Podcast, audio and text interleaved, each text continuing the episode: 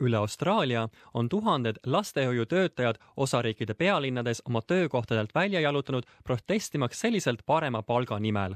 Nad on kasutanud rahvusvahelist naistepäeva rõhutamaks soolise palgalõhe eksisteerimist Austraalias, mis on nende sõnul rahvuslik häbiplekk.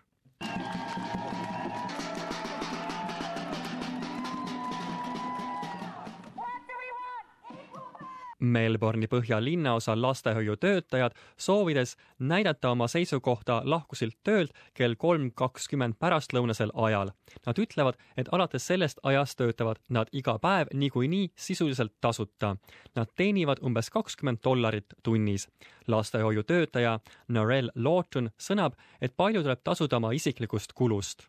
Those hours after 320 pretty much we're working for the love of our job and we do love our job but love does not pay our bills doesn't pay our mortgages. The role we play in children's lives is just fundamental. Yes it's important for children to have time at home but it's also important for children to be in early education. Ametiühingud aitasid proteste korraldada igas osariigi ja territooriumi pealinnas ja nad esitasid hoiatuse, et tõenäoliselt saab lähikuudel toimuma teisigi aktsioone. Austraalia Ametiühingute Nõukogu president Ged Kearney ütleb, et on saabunud aeg, kus peaminister peaks sekkuma. There is high turnover in the sector, there's disenfranchisement, there's low morale. That cannot mean that there's high quality childcare, and ultimately, that is the aim of our early childhood educators who work in that sector. So, we are wholeheartedly supporting their action today, and we hope that it results uh, in an outcome that means that they can earn a decent wage that they can be respected in our society and that they can deliver quality care. olukord lastehoiuteenuste tööstuses on meeldetuletus soolise palgalõhe esinemisest üldiselt. opositsiooniliidri Bill Shorteni sõnul esineb naiste ebavõrdset kohtlemist tööhõives tunduvalt rohkem kui kunagi varem. If the childcare sector was full of men workers, I don't believe their pay would be as low as it is. We entrust uh, our, our youngest, our very youngest in our society to childcare workers, to early years educators. It's the first big time that little children leave their home and their families, and we put them in the care and education of early childcare, early years educators. I think they're worth more than they're getting paid at the moment. Keskmiselt teenib täistööajaga mees iga nädal umbes kakssada kuuskümmend dollarit rohkem kui naine. juhtivates rollides ja juhtivatel ametikohtadel on see erinevus veelgi suurem soolise võrdõiguslikkuse ekspert doktor Elizabeth Hill ütleb, et töökohtade paindlikkuse vähesus, juurdepääs sobivatele lastehoiuteenustele ja kopsakad lapsehoolduspuhkuse tasud on samuti palgalõhe põhjustavateks teguriteks. The other thing that's quite particular to Australia is that we, compared to our comparator economies, have very long working hours, particularly amongst those professional ranks.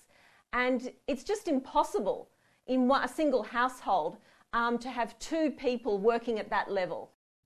Mõningad majandusharud soovivad esile kutsuda siiski muutust. Austraalia ettevõtete juhtide instituut soovib saavutada naiste kolmekümneprotsendilist osalust börsi tippjuhtimiskohtadel järgmise aasta lõpuks. instituudi tegevjuht John Brogden ütleb, et soovib pakkuda ettevõtetele palju majavinemat mitmekesisust. If we have a board that all look and sound the same, then we will not have diverse organisations and we won't have diverse thinking. This is not simply about gender, it's about diversity of thinking and diversity of experience that you bring to the board table. What our research shows is that the greater the diversity on a board, the better the performance. So there's a direct link. This isn't just a good idea, it's good for business. Peaminister kõnetas rahvusvahelisel naistepäeval kümneid naissoost kaitseväelastest personali Canberras. vahetult peale peaministriks saamist nimetas Malcolm Turnbull ametisse Austraalia kõige aegade esimese naissoost kaitseministri. Gender equality is not just an issue for women. It's a responsibility of all Australians, not least because all Australians benefit. When you empower a woman you empower a family, you empower a nation.